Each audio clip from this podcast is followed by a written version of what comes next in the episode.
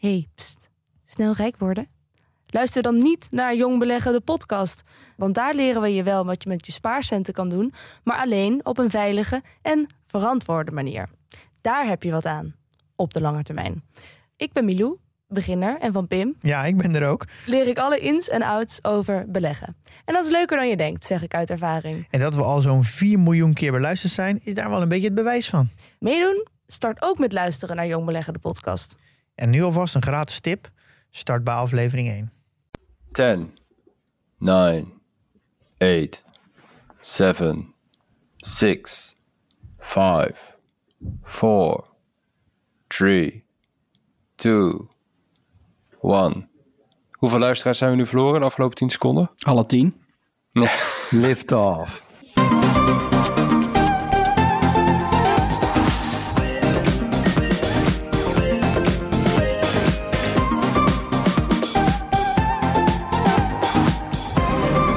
Welkom bij de Bright Podcast van donderdag 28 mei. Tof dat je weer luistert. Zoals elke week praten we hierbij over de trending topics in tech. Mijn naam is Floris en aangeschoven van het huis zijn ook Erwin Yo. en Tony. Hey. En een heugelijk moment, want weer ouderwets vanaf de redactie op het Mediapark in Hilversum hebben we Marijn, Ja, ja. Woensdagavond zaten we er allemaal klaar voor. De lancering van de SpaceX Falcon 9 raket. Met erop de Crew Dragon capsule. In die capsule zaten de astronauten Bob Behnken en Doc Hurley. Die voor een verblijf van enkele weken tot maanden naar ruimtestation ISS zouden worden geschoten. Maar op het laatste moment ging het helaas niet door. De kans op bliksem was te groot. En dat maakte het te gevaarlijk om op te stijgen. Eh, zaterdag is er weer een kans. Dan moet de raket rond tien voor half tien s'avonds uh, Nederlandse tijd opstijgen. Het is wel jammer, want eh, dan is het in Nederland nog niet donker genoeg om de raket te zien overvliegen. Eh, eh, woensdag had dat wel gekund. Erwin, wat is er zo bijzonder aan deze lancering? Ja, nou, twee dingen. We, we ten eerste is het voor het eerst in negen jaar dat er weer astronauten vanaf Amerikaans grondgebied worden gelanceerd. De Verenigde Staten stopten daarmee nadat het Space Shuttle programma werd, werd afgeschaft. Maar en misschien nog wel bijzonderder, het is voor het eerst dat daarvoor geen raket van de NASA of een andere overheid wordt, eh, voor wordt gebruikt, maar eentje van SpaceX, het bedrijf van Elon Musk. De afgelopen jaren was iedereen aangewezen op de Soyuz-raketten van de Russen. Marijn, jij sprak met onze eh, eigen Nederlandse astronaut André Kuipers. Hij ging Mhm. twee keer naar eh, ISS met zo'n Russische Soyuz-raket. Ja. Eh, laten we even luisteren naar wat volgens Kuipers de verschillen en overeenkomsten tussen eh, die Soyuz-raket zijn eh, en een raket van SpaceX. De lancering blijft gewoon een krachtig proces eh, om van die zwaartekracht eh, die te overwinnen, om in een baan te komen. Eh, dus wat dat betreft is het nog steeds een raket, de Falcon 9, die gevuld is met kerosine en zuurstof, net als de Soyuz. En dus op die manier is het nog steeds hetzelfde. Je wordt nog steeds in je stoel gedrukt. eh, eh, dus dat blijft hetzelfde. Alleen, het is natuurlijk heel erg gemoderniseerd. Ehm, die Soyuz is natuurlijk uit de jaren 60. hè. het is eh, eerder nog. De, de Soyuz-raket was de R7, gebaseerd op de R7. Het was een raket om atoombom op Amerika te gooien. hè. Dus, zo oud is dat ding. eh. het doet het ook nog steeds. Ehm, maar deze is natuurlijk veel moderner, heel krachtig, hè, die, eh, die, deze raketten. Ehm, de, ze, ze hebben beter, eh, of beter, moeten we er nog, nog maar, maar zien. Een beter eh, eh, launch abort system. Dat ziet er prachtig uit met die eh, de super Drago's die dan Ja. aan de zijkant zitten. Niet zo'n toren bovenop. Eh, hopelijk nooit nodig. Maar die kun je ook bru- gebruiken in de toekomst om te gaan landen.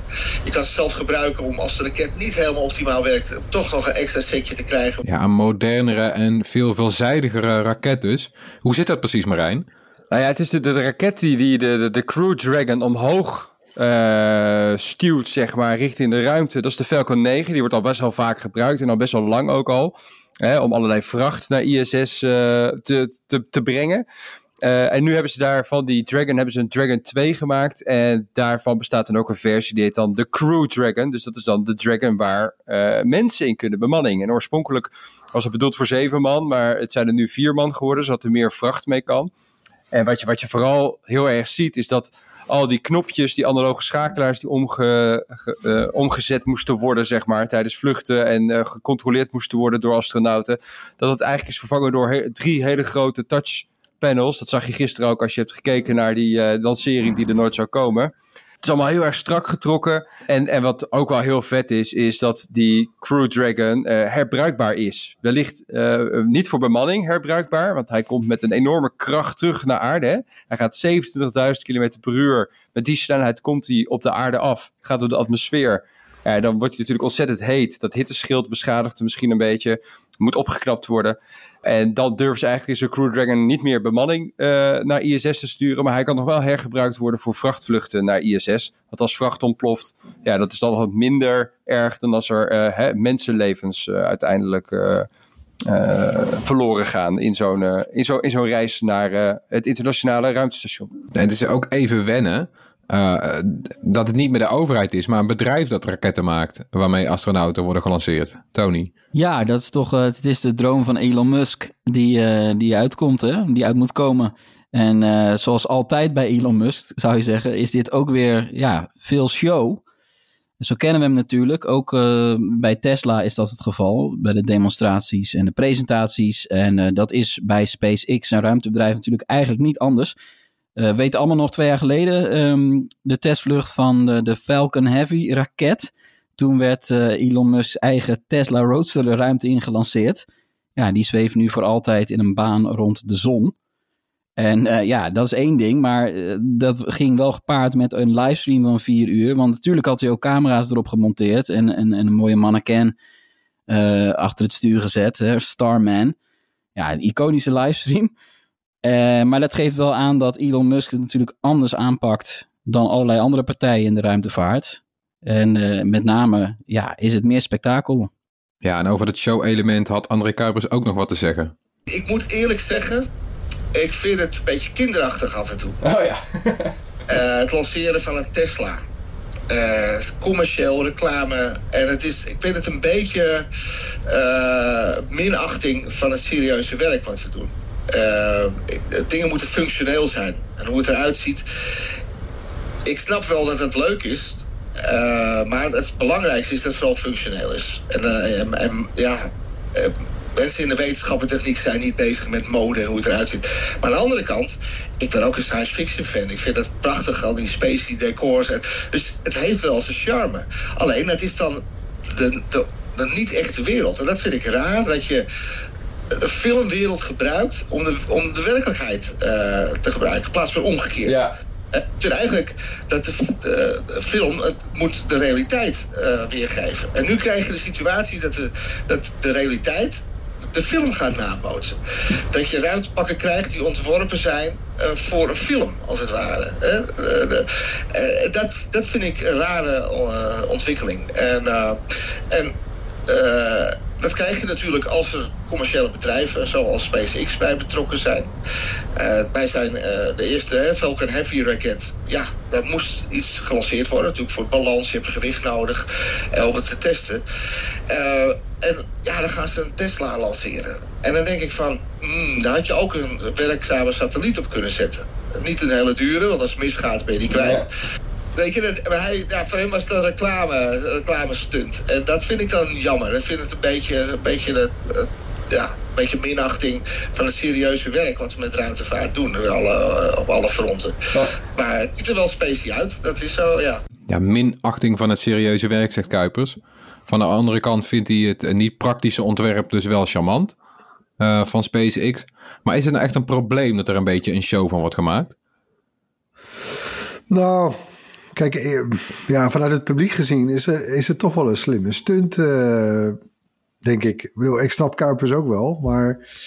eh, ja, kijk, kijk, ruimtevaart is natuurlijk in essentie echt wel een heel serieus onderwerp. Weet je, het is een hele complexe wetenschap en eh, duizend en één factoren. Ik bedoel, als het misgaat, dan, ja, dan worden er ook, dan verliezen we levens of voor miljoenen aan nieuwe satellieten of whatever. Dus ja, ik snap wel dat hij, dat, eh, dat, dat, dat hij het niet fijn vindt dat daar misschien een beetje nou, zoals hij het noemt, minachtend over wordt gedaan dan. Ik denk niet dat dat de opzet is trouwens van, eh, van Musk en SpaceX. Maar ja, kijk, Musk is inderdaad natuurlijk wel een beetje een showman. Ik bedoel, inmiddels ook. Weet je, of, hij, of beter gezegd, eh, het is natuurlijk gewoon een soort rasnerd.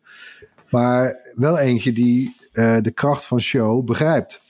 Hè? En, en hoe je iets verkocht krijgt, een idee verkocht krijgt. En eh, ik kan me herinneren in, eh, in de jaren zestig, die space race tussen de Amerikanen en de Russen. Ja, op een gegeven moment sloeg toch het sentiment om. Hè? En dan werd het van, ja, zonde van het geld, zonde van het geld. Waarom gaan we eigenlijk? En Ja, dat staat natuurlijk helemaal nergens op. Ik bedoel, eh, toch? Ruimtevaart heeft wel zoveel gebracht. We communiceren dankzij de ruimtevaart. We navigeren dankzij de ruimtevaart. We kunnen de aarde in de gaten houden op manieren die ondenkbaar zijn als we geen ruimtevaart hadden. Hè, allerlei materialen, technologie die we gebruiken komen uit de ruimtevaart. Het is echt wel heel erg nuttig geweest, al dat geld. Nee, tuurlijk. eh, dat, Ja. ja. je hoeft mij niet te overtuigen. Maar het Nee, is, dat weet ik. we hebben we hebben Volgens mij heeft Erwin daar een video over gemaakt. eh. we hebben het over de, de perceptie. En, en ja, de perceptie kan eh, geholpen zijn met, met een beetje show. eh. ik, ik heb ook mijn ogen uit zitten kijken hoor. Maar die stream en die schermen die ze voor zich hadden. Het leek wel, eh, het leek wel een soort eh, Tesla dashboard eh, extra large. Eh, Super snelle reactiesnelheid ook, hè? Ja, en ik vraag, me, ik vraag me wel af, heb je het nog met Kuipers gehad over dat, dat idee dat Tom Cruise mogelijk een film gaat opnemen? Ja, ja, ja, ja, ja. Ja, daar moet hij niks van hebben trouwens. Hij, hij zei een Nee. goede, goede acteur, die Tom Cruise, maar eh, dat je een Scientology-gast eh, daar naartoe stuurt, vond hij belachelijk. Dat Want, want ze gaan een film maken echt in de ruimte? Nou, dat is het idee. Ja, dat is het idee, ja. En in die stream ging het daar ook nog even over. eh, met die NASA-man. Die ging er zei van ik ga er alles aan doen om dit mogelijk te maken. Ehm, ja, nee, Ja, dat is- ja, top. maar hoe dan? Wel? Amerikanen, die, eh, die zijn natuurlijk niet vies van een beetje show. Die snappen dat wel. Ja, En, en ja, Musk voorop. Hè, Ik bedoel, eh, eh, ook even ter, ter illustratie. Elektrisch rijden. Hè, dat was voor de komst van Tesla ook niet echt bepaald sexy. Ik weet niet of je die, eh, die EV1 nog kan herinneren van General Electric of General Motors. ja. Of de eerste De- Prius. Ja, nou, hè, daar droop het niet bepaald vanaf, zeg maar. nee. Oh, ja, maar het is ook goed dat er. Ik denk ook wel dat een show-element is ook goed. Want als je. Want daar hadden ze het ook tijdens de stream weer over. Je wil ook weer eh, mensen enthousiast maken voor de ruimtevaart. Die weer misschien weer eh, de juiste studies willen gaan doen. om uiteindelijk in die ruimtevaartsector terecht te komen. En als het er allemaal gewoon lekker even sexy uitziet. Dan, dan, dan verkoopt dat ook gewoon beter aan, aan, aan aan de jeugd, zeg maar, aan de toekomst. Tuurlijk, ja, ik kreeg ook even, ik kreeg ook even de indruk. Zei, zei hij nou eigenlijk dat die pakken, die, eh, die twee eh, astronauten eh, die in die Crew Dragon eh, zitten nu. Ik bedoel, het zijn natuurlijk technisch ook toch gewoon goede astronautenpakken. Ik bedoel, Jazeker. Jazeker. Ze zien er wat flitsender uit, maar eh, er is toch verder niks mis mee of zo. Ik- Het zijn geen, eh, het zijn geen surfpakken, toch? Ik bedoel, Nee, als het een niet ten koste gaat van het ander, waarom niet zou je zeggen? Nee, maar Ja. dat, dat zei Musk, Musk ook nog tijdens die persconferentie gisteren. Ja, eh, dat zeg maar, we willen kinderen inspireren om e- op, dat ze ook op een dag dat pak aan willen hebben. En daarvoor moet je toch echt die technische studie gaan doen enzovoort. Dus dat werd wel benadrukt. Ja. Ja, dus je moet het ook al vroeg inhameren. En ondertussen moet je er ook nog geld mee verdienen. Dus het moet eigenlijk voor iedereen super aantrekkelijk zijn. Eh, en ook een groep die ze eh, eh, nou ja, willen aanspreken, dat zijn toeristen. Ruimtetoeristen, die mogen vanaf volgend jaar mee met de Crew Dragon. voor een verblijf in het ISS. Is dat ruimtetoerisme nieuw, Marijn? Eh, nog niet helemaal. We hebben het wel heel vaak over natuurlijk. Hè? Eh, eh, Richard Branson is mee bezig. Jeff Bezos. Elon Musk is er dus mee bezig met de Crew Dragon. Maar de Russen, die lopen eigenlijk al voorop. Want er waren, ze hebben echt al een paar keer hele rijke toeristen. Vooral ook engineers trouwens. Die gewoon uit hobbyisme zeg maar mee wilden. Wel hele rijke engineers trouwens. Die echt gewoon 12 miljoen moesten betalen in de begin. En uiteindelijk zelfs 50 miljoen moesten betalen bij de laatste toerist die ging. Om even een weekje in eh, ISS door te brengen. En dat is dan een manier om de Russische ruimtevaartkast te spekken. Van eh, Roscosmos, hè, de Russische ruimtevaartorganisatie. Dus er bestaat al wel ruimtetoerisme. Maar wel, maar wel vaak zijn er tot nu toe echt nerds. En niet mensen die voor de lol, zeg maar, eh, dat doen. Ja, en die, die Dragon 2 die is veel meer dan de Soyuz-raket ingericht om toeristen mee te kunnen nemen, toch Tony? Ja, er is eh, veel meer ruimte. Dat is wel een belangrijk eh, punt. Eh 10 kubieke meter, dat is veel ruimer dan bij de Soyuz. Ehm, die heeft maar een, een ruimte van 3,5 kubieke meter bij terugkeer op aarde. Dus dat, dat, eh, dat werd ook al opgemerkt op social media. Hè? Dus ehm, tijdens die livestream zie je ook een lege stoel naast de heren. ja, ja, dat is zo. Er is, er is best wel veel ruimte in die Crew Dragon. En eh, het ziet er mooi uit. Ehm, het ziet er eh, niet zo uit als bij de, bij de Russische raket dat je echt eh, denkt van ik ga decennia terug. Dit is gewoon, ja, het is, dit is, ja, ja, nee, maar die ziet er echt heel Spartaans uit, hè? Ja, Ja, zeker, Die pakken ja. die zeilen zo stoffig. En, eh, Dat, eh, dat is bij, eh, bij SpaceX natuurlijk allemaal ja, eigenlijk heel goed ontworpen. Ze hebben gewoon echt mensen aangenomen. eh, bijvoorbeeld voor die ruimtepak ook. Het zijn- is gewoon ontworpen door iemand die zelf ook eh, kostuums voor films maakt. Dus eh, ja, als je, daar, als je als ruimtetoerist daar instapt, dan heb je echt ook fantastische plaatjes voor de thuisfront, zeg maar. Dat is, niet, is heel belangrijk. Instagram-waardige Ja, capsule. Ja. Ja. nou ja, maar goed, laten we wel zijn. Ik, ik, ik ben eigenlijk in jaren niet zo... zo- ja, misschien inderdaad wat, wat Tony al zei. Die, eh, hè, die, die vlucht met Starman en die Tesla-auto die ze de ruimte inschoten. Maar ik kan me niet heugen dat ik eigenlijk zo enthousiast was over een, eh, een raketlancering dan, dan deze week. Nee, klopt. Hè, ik heb er gebeurt, er gebeurt van echt weer wat. Ik heb zelfs een t-shirt gekocht, omdat ik eh, toen helemaal gek was van die Starman-lancering. dus ik ben nu ook, eh, ja, je moet het nou altijd wachten na afloop. Je moet niet vooraf zo'n shirt gaan kopen, stel dat het misgaat. Hè, maar, eh, maar dat Nee, is ik echt- heb een, eh, zo, eh, zo heb ik een Nike voetbal van het, e, van het EK 2020. ja, ja die, die wordt wel, die is wel uniek. ja, die laat je wel de verpakking toch even gaan. Ja, precies. Nee, maar goed, kijk, ik, ik, ik ben wel echt weer. Je, ja, het is, ik bedoel, ruimtevaart is natuurlijk een soort. Een van de. eh, we, noemen het natuurlijk vaak ook in gezegdes. hè, Het is, het is geen rocket science. Ik bedoel, het is natuurlijk een van de hoogste eh, technologische eh, vormen die je maar kunt bedenken. Weet je, de, de technologie die hierbij komt kijken is ongekend. En, en er gebeurt gewoon weer wat. Ik, word- ik, ja, ik word hier wel echt. En weet, weten jullie trouwens hoeveel mensen, hoeveel mensen denken jullie in totaal hebben meegewerkt aan deze missie? Heeft Elon Musk ook verteld gisteren. Maar eh, eh, ik bedoel, re- reken je dan zeg maar ook de hele ontwikkeling van, eh, Ja, van, van Dragon, van de Falcon, ja. reken je dat allemaal mee? Denk het wel, ja. Want het, wa- het waren er volgens hem 100.000. Ja. Zo. Ja. Maar ja, dat Ja, was in de tijd van Apollo ook, hè, de Apollo-missies. Ja. ja, het is echt een grotere sector dan je misschien denkt ook gewoon. Voor de, voor de economie ook zelfs. Dat is, eh, ruimte Ja, een huge ding hoor. En ook een wereldwijde sector. Ik bedoel, er zijn ook Nederlandse toeleveranciers. Eh, het, het, het werkt allemaal samen met elkaar. Overal zitten specialisten. En ze willen natuurlijk voor die ruimtevaart het beste van het beste hebben. Dus ze kopen alleen maar spullen bij de mensen die het ook het beste kunnen maken. Eh, Ja. Het is een enorme drive van innovatie natuurlijk. Ik haat dat woord innovatie trouwens, maar dat is het wel. ja. Het is het wel. Drive for innovatie, ja, oh, gadver. Ja, ja. We hebben trouwens een beeld van Nederlandse bedrijven die eh, hebben meegewerkt aan de Dragon 2. Eh, nee, sorry. Nog nee. niet, hè? nee. Nee, Nou ja, houden jullie ons te goed eh, van ons. hoor, zeker. Nee, maar ik, ik vind het wel, ik vind het gewoon wel tof ook dat, dat het er zo uitziet als het eruit ziet. Ook al is het misschien niet allemaal puur functioneel. Ik vind, ik vind het wel vet. Hebben jullie ook een favoriete ruimteschip? Ik, ik vond die Vipers in Battlestar Galactica altijd heel tof. Die waren dan nog soort van realistisch. Ze hadden wel vleugeltjes, maar als ze dan moesten draaien, dan moesten ze toch met kleine puffjes lucht. Want eigenlijk heb je niks aan vleugels in de ruimte.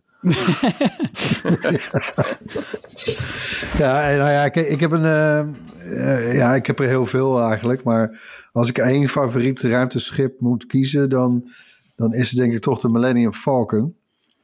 Eh, ook omdat het, ja, het is natuurlijk, het is zo'n beetje een stout, stout ruimteschip. Hè? Dus altijd Han Solo en Chewbacca, het waren natuurlijk eigenlijk, eigenlijk een soort van ruimtepiraten en, en rebellen. En, eh, dus het heeft ook iets van een soort piratennestgevoel. Daarnaast ook het ontwerp. Dat, eh, het is natuurlijk nog best wel een relatief groot schip. En er, kan ook best wel een hoop cargo mee. Maar eh, een soort die, die, die cirkelvormige...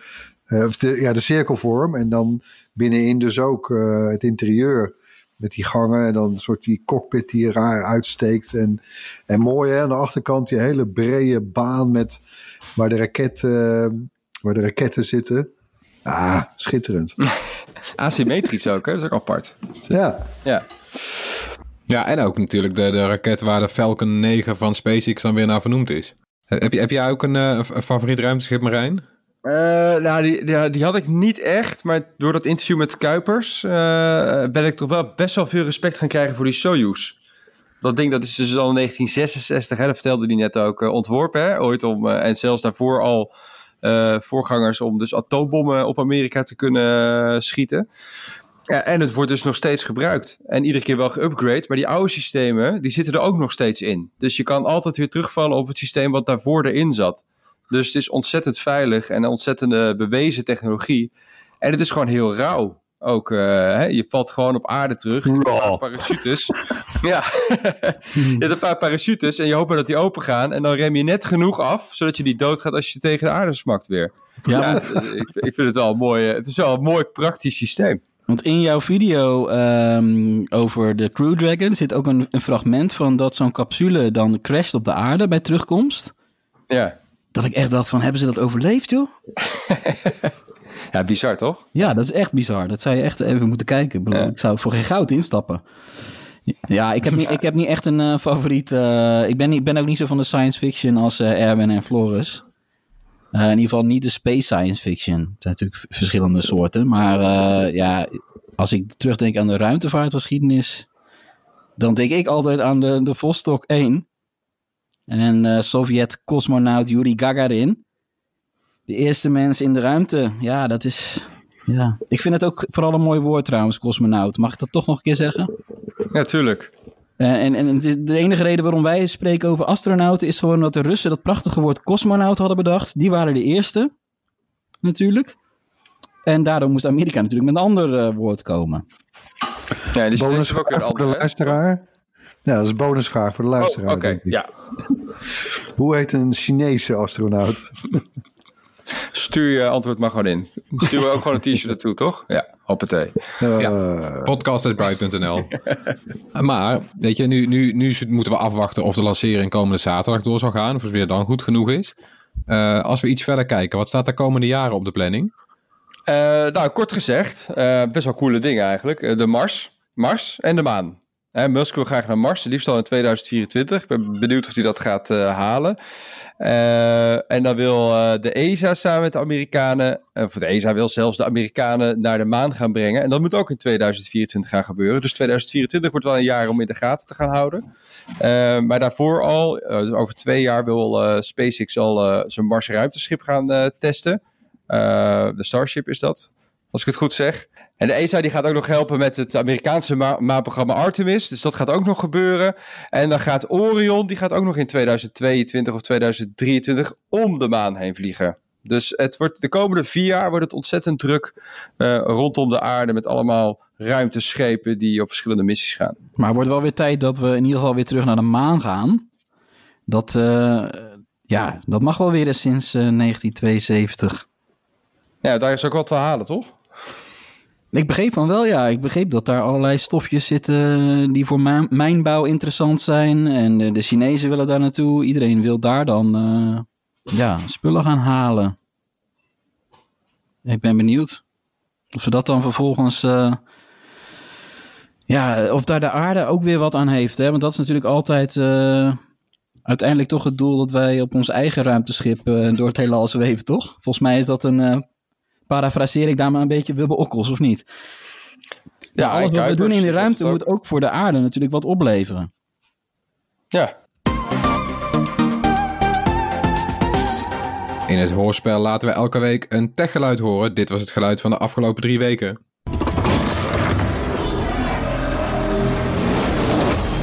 Ja, het is een geluid uit een game. Zoveel was de vorige weken al duidelijk. Mensen dachten aan Call of Duty, aan Half-Life, maar eh, we hoorden eigenlijk het Blade Knife. Het bekende polsmes uit de Assassin's Creed games. En dit specifieke geluid kwam uit de trailer voor de nieuwste Assassin's Creed Valhalla. Die draait om vikingen. En eh, na een paar hints wist dat onder meer eh, Matthias Nagel, die onze podcast normaal gesproken graag luistert op de fiets naar school. Gefeliciteerd Matthias, dat ABC Bright t-shirt komt jouw kant op. En natuurlijk hebben we ook weer een nieuw geluid. Komt-ie. Als je denkt dat je weet wat het is, Stuur dan je antwoord naar podcast.bright.nl. Onder de mensen die het juiste antwoord insturen verloten we zo'n gewild Bright t-shirt.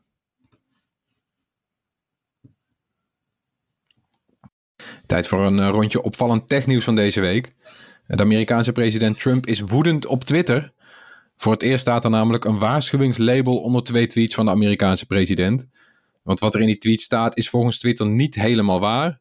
Uh, Trump voelt zich beperkt in zijn vrijheid van meningsuitingen en vindt dat Twitter zich met de Amerikaanse verkiezingen bemoeit. De tweets gingen namelijk over stembiljetten.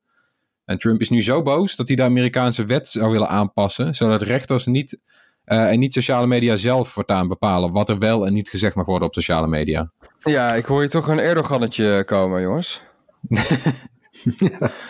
Ja, wat een, uh, wat een randebiel.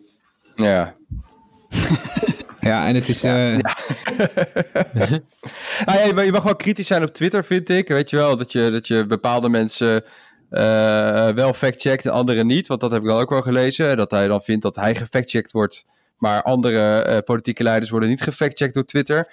dat vindt hij dan oneerlijk. En daar kan ik me nog zo iets bij voorstellen. Dat je, hè, dat je een soort van leffing, hoe noem je dat? Een gelijk speelveld wil hebben. Ja. Uh, maar dat je gelijk roept dat je de wet wil gaan aanpassen en zo, dat heeft echt uh, dictatoriale trekjes, uh, krijgt dit toch wel. Ja, en de grap is ook natuurlijk, dat las ik wel dan, want mensen zeiden het is heel terecht dat dit wordt nu aangestipt. Eindelijk, want hij zegt wel vaker dingen die echt gewoon feitelijk niet onjuist zijn. Of niet, ja, feitelijk niet juist zijn. Maar dat, nu krijg je inderdaad wel het hellend vlak van, oké, okay, de dingen waar dan straks weer geen waarschuwing bij staan, die kloppen dan wel 100%? Of ja, dat, weet je, wat, waar moet je dan als gebruiker nu weer vanuit gaan? Volgens mij kun je bij Trump beter, kun je dat gewoon default er gewoon uh, vast gaan plakken. Bijna wel. Nee, want bedoel, je, zegt, je zegt alsof het een uitzondering is. Nou, het is eerder een uitzondering ja. dat hij feitelijke informatie geeft. Nee, maar dat is het ook natuurlijk. Maar ja, weet je, wanneer, wanneer komt het label er dan bij? Dat is, dat is dan een beetje de vraag. Ja, maar die, die ja, platforms, die, die willen juist nepnieuws bespreiden. Maakt niet uit waar het over... Even afgezien van uitspraken van Trump ze zijn natuurlijk die laatste jaren heel erg bezig geweest met, met het weghalen van dingen die gewoon echt uh, beter niet online kunnen staan. Maar die moeten dan straks ja. online blijven staan. Ja, dat is niet handig. Dat betreft nee, ook niet handig dat nee, al die platforms ja. Amerikaanse bedrijven zijn. Op dit moment. Nee, en wat Trump nu weer zegt, Trump vindt het dan vooral oneerlijk. Want Trump, Trump zegt al die, uh, al die techbedrijven die zijn links. Die komen uit Silicon Valley. Is iedereen links, dus ik word, hij zegt ik ben rechts en daarom word ik gepakt.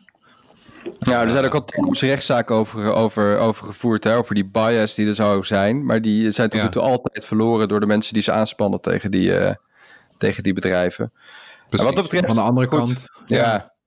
Nou ja, weet je, Facebook bijvoorbeeld zegt, wij willen ook helemaal niet zelf de politie zijn op ons platform. Want het zijn beslissingen die wij niet willen maken als bedrijf. Dus Facebook is dan eigenlijk wel weer voor een soort van wetswijziging. Uh, wat positief klinkt misschien, maar als het dan puntje bepaaltje komt, dan wil Facebook wel liever zelf bepalen wat er in die wet staat. Ja, want ja. dat is ook weer, god, dat is ook weer typisch Facebook, hè, dit. En gewoon niet, uh, nee, uh, we, nee, we willen zelf onze vingers niet uh, vuil maken, maar nee, ja, je mag ons ook niet beknotten. Nee, ja. Ja, wat wil je dan? Misschien, misschien kunnen die twee een deeltje sluiten, Facebook en Trump. Signify, maker van de Philips Hue-lampen, werkt aan een nieuw lichtsnoer dat kan worden doorgeknipt en dan weer aan elkaar kan worden gemaakt. De oude lightstrip lichtsnoeren kon je ook al korter knippen, maar dan had je een stukje over, wat je moest weggooien. Uh, en bij de nieuwe versie kun je die stukjes weer aan een ander lichtsnoer koppelen, met een adaptertje. Er is één grote beperking, doorknippen kan niet zomaar overal, maar alleen elke 33 centimeter. Het is nog niet duidelijk wanneer de nieuwe Hue Lightstrip Plus verschijnt. Uh, vermoedelijk zal die net als het huidige model rond de 80 euro kosten. Ja, leuk. Blijft inderdaad, blijft inderdaad een beetje gek hè, als je zegt een lichtsnoer dat je kan doorknippen. ja. Elk snoer kun je doorknippen en hè, elektriciteitsdraad. En kun je daarna weer aan elkaar maken. Maar goed, nee, we hebben het natuurlijk hier over U-lightstrips. En dat klopt inderdaad. Ik heb hier zelf ook uh, van die lightstrips. Ik heb zelfs de outdoor lightstrips. En meer daarover binnenkort in een video op ons YouTube kanaal. Maar uh, ja, dat, dat was wel een soort zonde, want het is niet goedkoop. En ja, en als jouw kastje maar twee meter is, en, uh, of weet ik veel, of 1,50 meter 50, en je hebt twee meter snoer, ja, gooi je toch eigenlijk een kwart van je, van je bedrag weg. Ja. Sunt. Nou. De iPhone 11 was in het eerste kwartaal van dit jaar de meest verscheepte smartphone ter wereld. In het eerste kwartaal van het jaar werden er 19,5 miljoen exemplaren van de iPhone 11 verscheept, zegt marktonderzoeker Omdia. In het eerste kwartaal van 2019 stond de iPhone XR op de eerste plaats. Toen met 13,6 miljoen verscheepte exemplaren. Dus dat is een flink meer. Uh, de iPhone 11 is uh, dus flink populairder dan die XR. Sowieso doet Apple het goed. In de top 10 staan nu vier iPhones. En verder staan er twee telefoons van Xiaomi in. En vier van Samsung. En vooral de goedkopere Galaxy A51 scoort goed. Die werd in het eerste kwartaal 6,8 miljoen keer verscheept. Goed voor een tweede plaats. Zo. Welke, welke van Xiaomi zijn dat eigenlijk dan? De, de, de Redmi-toestellen. Oh, Oh, ja, die-. Ja. De Ja. budget dingen van eh, Redmi. En, Ja. en hoe doet eh, de, waar stond ook weer de, de S20? Ja, de S20 stond nu op plaats 9. Eh, en dan denk je, nou, is ook niet veel. Maar de- de S20 was maar echt eh, eind maart pas te koop.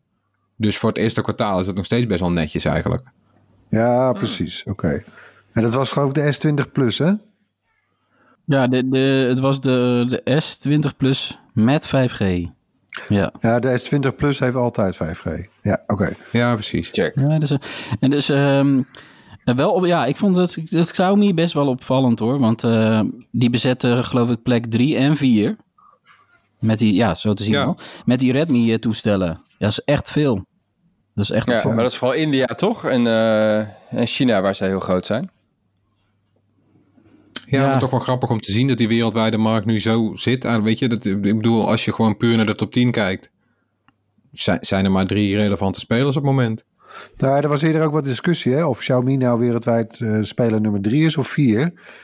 Het ene bureau zei van wel, het andere zei nee, Huawei is nog steeds nummer 3. Nou, dit lijstje wijst er toch wel op dat eh, dat, dat stuivertje wisselen wel eh, plaats heeft gevonden of aan, aan het plaatsvinden is. Ja. Ja, Ja, want uh, Ja. wij zien hier gewoon helemaal niet terug. En eh, al die andere merken hebben ook echt een probleem. Dat, eh, nee, en Apple is zich ook echt aan het herpakken wat dat betreft.